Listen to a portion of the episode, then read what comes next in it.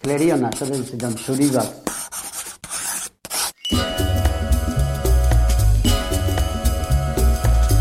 Klariona.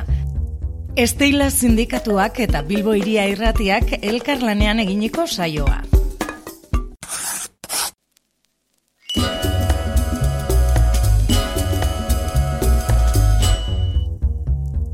Iraiarekin batera hasi da ikasturte berriari begiratzeko begiratzen jartzeko garaia. Eta gaur e, Bilbo iria irratian abiatzen dugu Klariona izenak dioen bezala e, ikasgeletara saltu egingo dugu eta bertatik datozen albisteen errepasu egingo dugu astero e, Klariona hau e, esteila sindikatuarekin batera gauzatuko dugu Bilbo iria irratian eta gaurkoan ba, sindikatuko kide den Ana Perez dugu, egunon, Ana? Egunon. Bueno, ikasturte berria hasi da, eta hasi bezain pronto, e, etorri dira e, albisteak, ez jakintasuna, revalidak, lonze dela estela, e, hemen e, araba bizkaia eta gipuzkoan e, estela jarriko, baina aldi berian bai egongo dira e, azterketak, baina atzo bertan egoniko al, e, albiste batekin abiatuko dugu gaurko saioa, ez? Ondo badiretzuzu. Rivalida hoien arira, Espainiako hezkuntza kontseiluan ere dimititu egin dute, beraz, handik e, ere ez, ez dakigu zer gertatuko den, ez? Bueno, dimititu edo ez dakit, baina gauza da lendakaria eta lendakari hoia edo, edo bueno, izen lendakaria, bakargo utzi dute ez dakit adinagatik, ze idazkaria ere adinagatik ere badirudi falta dela, eta orduan, claro, gertatzen dena hori, kargu, karguak berrizteko, ministroak eta karguak, kargu horiek izendatzen dituena ez da, baina ministroan da egoera honetan edo momentu honetan funtzioetan dago orduan badirudi hori esen dela egin orduan azararak hogeita marrar arte daukate aukera osatzeko kontseilua eta orduan kontseiluak e, oka emango dio ba, mm. errebalei baina ez dakigu azaroan hogeita marrerako gobernu berria osatuta egongo Espainiakoa, eh? Gobernu berria osatuta egongo den edo zer gertatuko den orduan. Gaude, bueno, hasieran ja zalantzaz beterik, ba, guk esaten genuen bezala ez da, aurtengo motxila zalantzaz beterik eramaten dituzte ikasleek eskolara, ez da?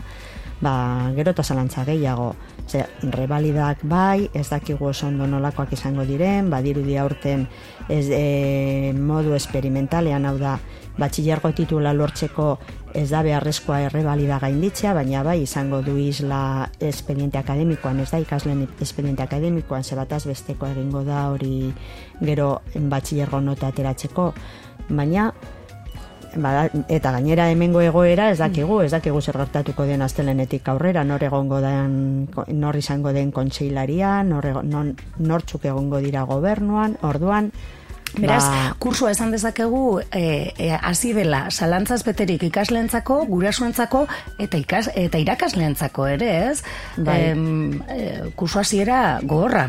Bai, bai, bueno, zoritxarre zoitzen ari gara. Mm -hmm. azkenengo hiru urteetan lontze ja hasi zen aplikazioa zela eta eta hemen ez dakigu edo hezkuntza zaiak esaten zuenean ez zela mm. aplikatuko baina gero ikusten genuen nola ba lontzek esaten zuen guztia esartzen ari zela. Orduan azten e, iraiara bultatzen gara eskoletara jakin barik oso ondo zer edo nola bukatuko dugun kurtsoa. Pasan urtean ere bakizue egon zen sententzia bat, non esaten zuten lan e, e, bueno, irakastu orduak e, haunditzen zirela, ordezkapenak ez direla betezko amargarren egunetik aurrera, orduan gobernu hemengo eusko jorreritzak edo esan digu hori ez dela aplikatuko, mhm. baina ebazpenetan jasota dago hori orduan, beti bezala edo bueno, azkenengo urtetan egia da hasierak izaten ari direla oso oso, bueno, ba oso zalantzaz beterikoa. Mm Revaliden arira, ez? E, batxillergoan egingo dira azterketa hoiek, egin egingo dira, horrela dira bai. zuen ere Kristina Uriartek, naiz eta esaten zuen moduan, ba, bueno, ez dutela zerikurik zirik eukiko tituloa ateratzeko. E, irakasleek badakite zer e, aztertu behar duten azterketa hoietan? Ez, momentuz ez, momentuz ez dakigu gainera erkidegoek aukera izango duten diseina, azterketak diseinatzeko edo nork diseinatuko duen. Esaten digute ez, ez, erkidegoek izango dutela aukera, baina er, hori ere ez dago argi. Eta hori, ba, esan dugunaz da, titulua lortzeko ez da beharrezko izango gainditzea, baina e, batazbesteko, batxilergo batazbesteko notaren euneko berrogeiak errebalidak emango du. Ez da gauza txiki bat, euneko berrogeiak, e, ba, bueno, ba, gainditzea, las gainditzeko, bueno, ba, proportzio handia da. Eta orduan aurten errebalida egongo da, eta gero unibertsitatera joateko selektibitatea aurten mantenduko da- Beraz, e, horrekin esan nahi duguna da, batxillergoko ikasleek, e, bi azterketa gainditu beharko dituzte, batan notan zerikusu eukiko duela, hori zentroan bertan egingo lute, e, lute, lukete, eta gero, ohiko edo orain arte ezagutu dugun selektibitatea egin beharko lukete ere unibertsitatera. Beraz, joan Sartzeko. nahi, ba, nahi badute.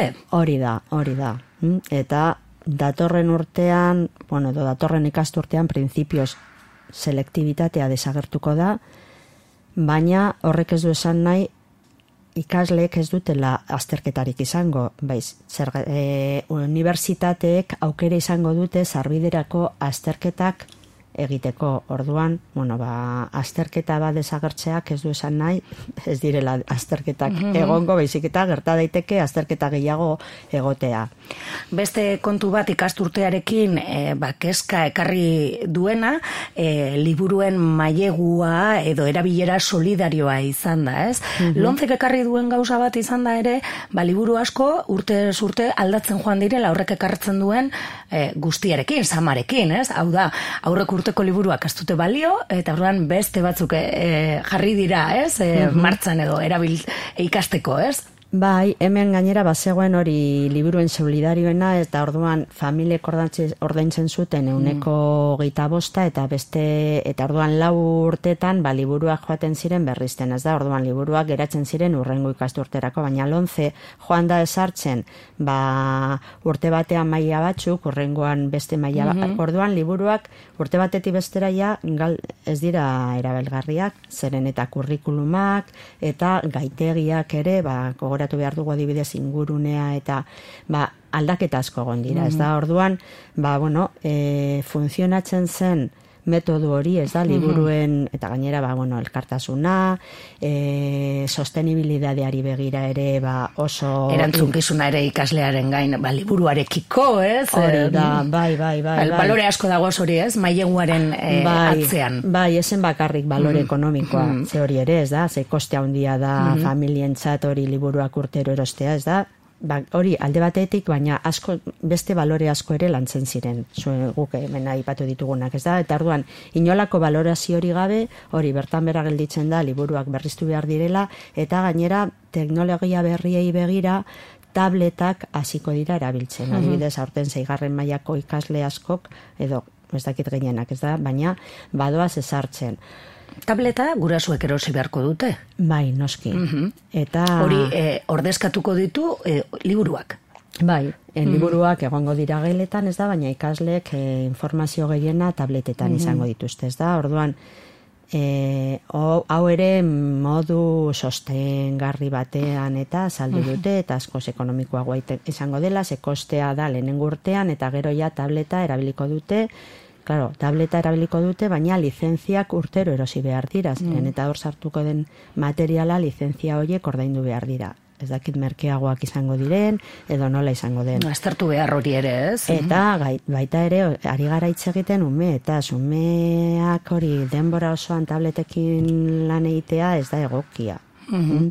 Eta beste hori ba, ik, az, e, klasetan lan egiteko, edo, bueno, ba, forma horiek ere, ba, guretzat ere, erronka bat da, ez da, irakesloentzako ere erronka berri bada prestakuntza jaso ez duguna kasu gehienetan, gainera prestakuntzan ere ba, murrizketak egon direnez, ba, gero eta azkenean prestakuntza da autoprestakuntza, eskolan ba, bat, gehiago dakien batek azaltzen du, du, ez? bai, bai, baina, bueno, nahiko txapuzero esan dezakegu. Mhm. Beraz, eh, eskola publikoan egora larria ikusten duzu orokorrean? Ba, bueno, Horren ba, beste aldaketarekin? Bai, bai, aldaketak eta, bueno, egoera larria batez ere, bueno, azkenean sorionez nik uste hor dagoen jendea lan egiten duena, ba, bueno, e, hor ematen dute al- eman alden guztian, naiz eta, bueno, ba, lagun laguntzak ez izan edo ez jaso ez da, baina ikusten ari gara zailtasunak jartzen ari direla bai, noski. E, bestetik bada ere hor, beste aipatu duzu, ez, lonzek ekarri duela e, gai batzuen aldaketa eta kurrikulumaren aldaketa ere, eta hor ere bada beste kontu bat, ez, e, filosofiaren de, e, asignaturaren desagertzea. Hau da, lehengo batxillerrean egiten da, ematen da filosofia, baina bigarren batxillerrean hautaskoa da, ez? Berez, e, hor ere bada, zerrezanik. Bai, bueno, lonzek aukera hori ematen du.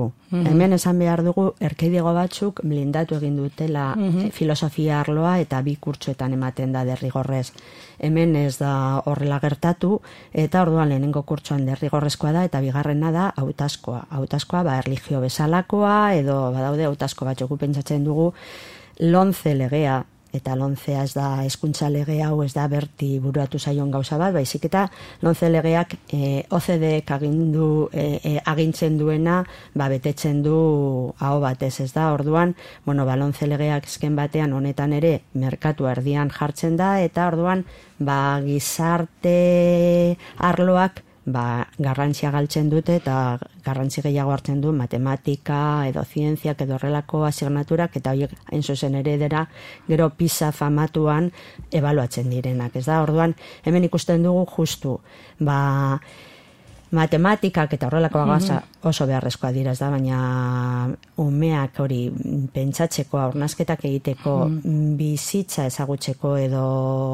gure historia gertatutakoa edo gertatu aldena ez da, hau da, eskuntza integralarako beharrezkoa diren gaiak justu garrantzia galtzen dut eta gu pentsatzen dugu filosofia galtzea oso galera handia dela eta oso kaltegarria, baina gainera e, errebalidan bai sartzen da filosofia. Orduan gertatuko da ba, ume batzuk bi urtetan filosofia eman dute, beste batzuk aldiz bakarrik urte batean, orduan orde desorekak ere egon daitezke ez dakigu zelan e, moldatuko den hori, ez dakigu ba, e, oraindik ez dagoelako edo ez da frogarik egon eta hau da un poco a improvisar. Mm Aldaketak e, egon dira, konturatu orduko ikastetxe batzuetan ere kurrikuluna aldatu da eta aipatzekoa da esaterako ekonomiaren inguruan ere nolako bide hartu duten e, ikastetxe batzuk edo nolako eskaintza egon den, ez? Eta e, komenigarria da agian e, kontatzea, entzule askok ziurrenik e,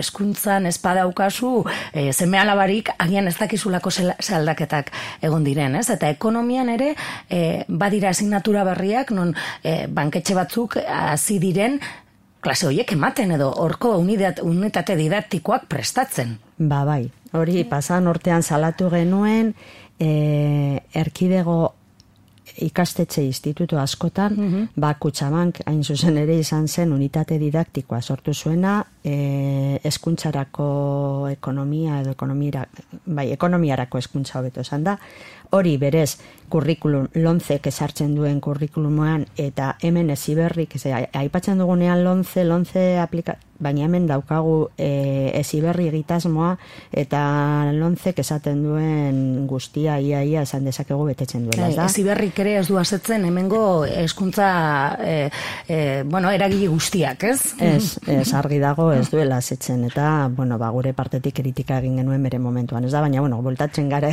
hori ekonomiako arloari. Orduan, pasan ortean Kutxabankek prestatu zituen hainbat pertsona eta orduan eskaintzen zuten ikastetxe edo eskaintzen zieten ikastetxei ba arlo horretako saio batzuk haiek eman prestatutako unitate didaktikoa haiek emango zutela. Hau da, ba, irakaslei lanzama bat kentzeko mm -hmm. ba, ez dakit, e, aitzakiaz, ez da? Gau, kuriosoa da, zer ematen duten, ez da, kutsaban sartzea ikastetxetara, ez da gauza, ba, bueno, e, garden bat, azteko. Konturatu edo e, gogoan hartu behar dugu ikastetzeanetan badirela ekonomia irakasleak. Efectivamente, bai, ekonomia eta horiek dira ematen dutenak, edo matematika ematen mm. dutenak, ez da, eta orduan, e, sartzen dira, inolako kriteriori gabe, inolako frogari pasatu gabe, ez dakigu irakaslea diren, edo zer diren, edo ekonomistak, edo e, sukursaletako langileak, ez dakigu. Baina horiek unitate didaktiko bat, eta e, unitate didaktiko horretan ikasten da zer den mailegu bat, e, ba, bueno, gutxi gora bera en, zer den aurrestea, baina, bueno, ba, e, bizitzan zehar ikasten ditugun Mhm, gauzak, inolako unitate didaktikorik gabe, baizik eta egunerokotasunak irakasten digu zelan egin behar den, dirua ez dugunean eta zerbait erosi behar dugun, ba, bankura zoaz eta kreditu ez da. Ez dakigu igual izango da preferenten engainua berriro esuertatzeko, baina bueno, azken batean ideia garrantzitsuena da, ba, bezeroak hau da, zuk lo, nahi eta ez zure bizitzarako beharrezkoa izango duzu kutsa bat edo banku bat, ez da hori ba, bueno, beste gauza bezalakoa ez da, eta gainera esaten dena da, zuk bankuarekin hartutako konpromisoak bete behar dira bai ala bai. Orduan, argi ja ikasten dute, edo, bueno, modu batez ezitzen edo di- domestikatu egiten dituzte ja ikasleak esateko. Zuk bankuarekin hartzen dituzun zorrak hori da, kitatu behar duzun lehenengo gauza.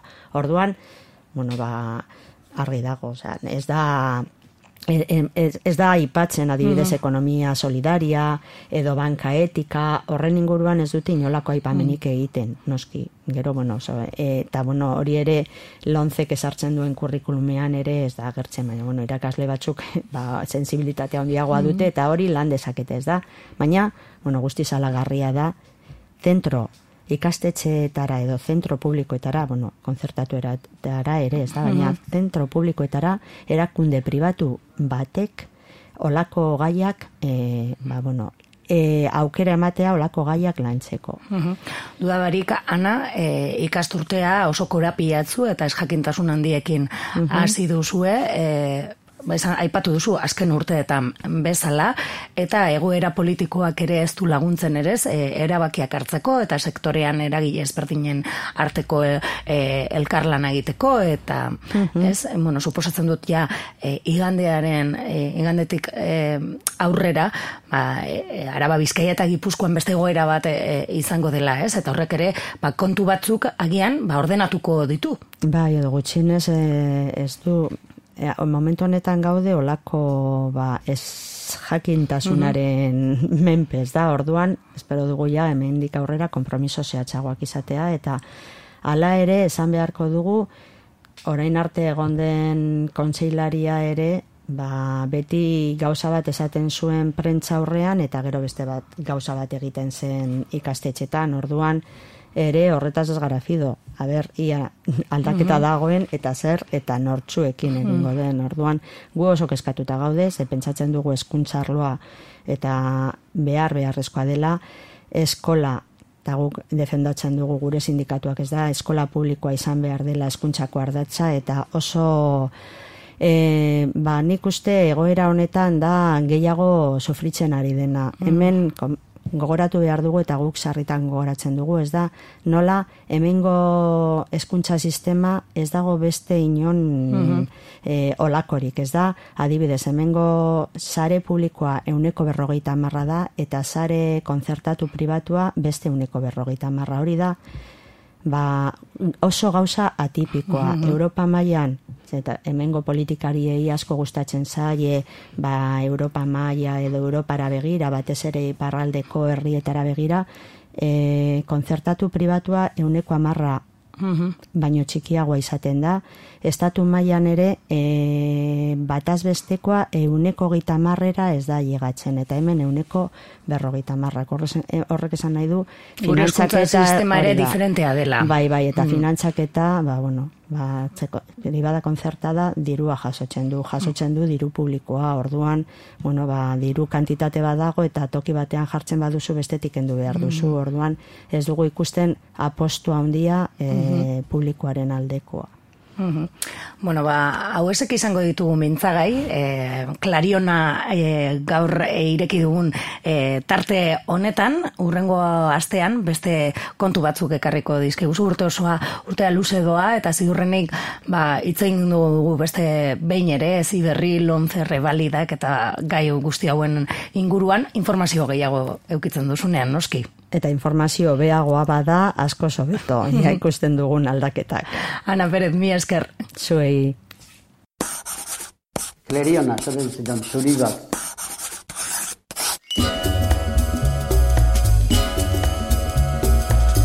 Klariona. Esteila sindikatuak eta Bilbo iria irratiak elkarlanean eginiko saioa.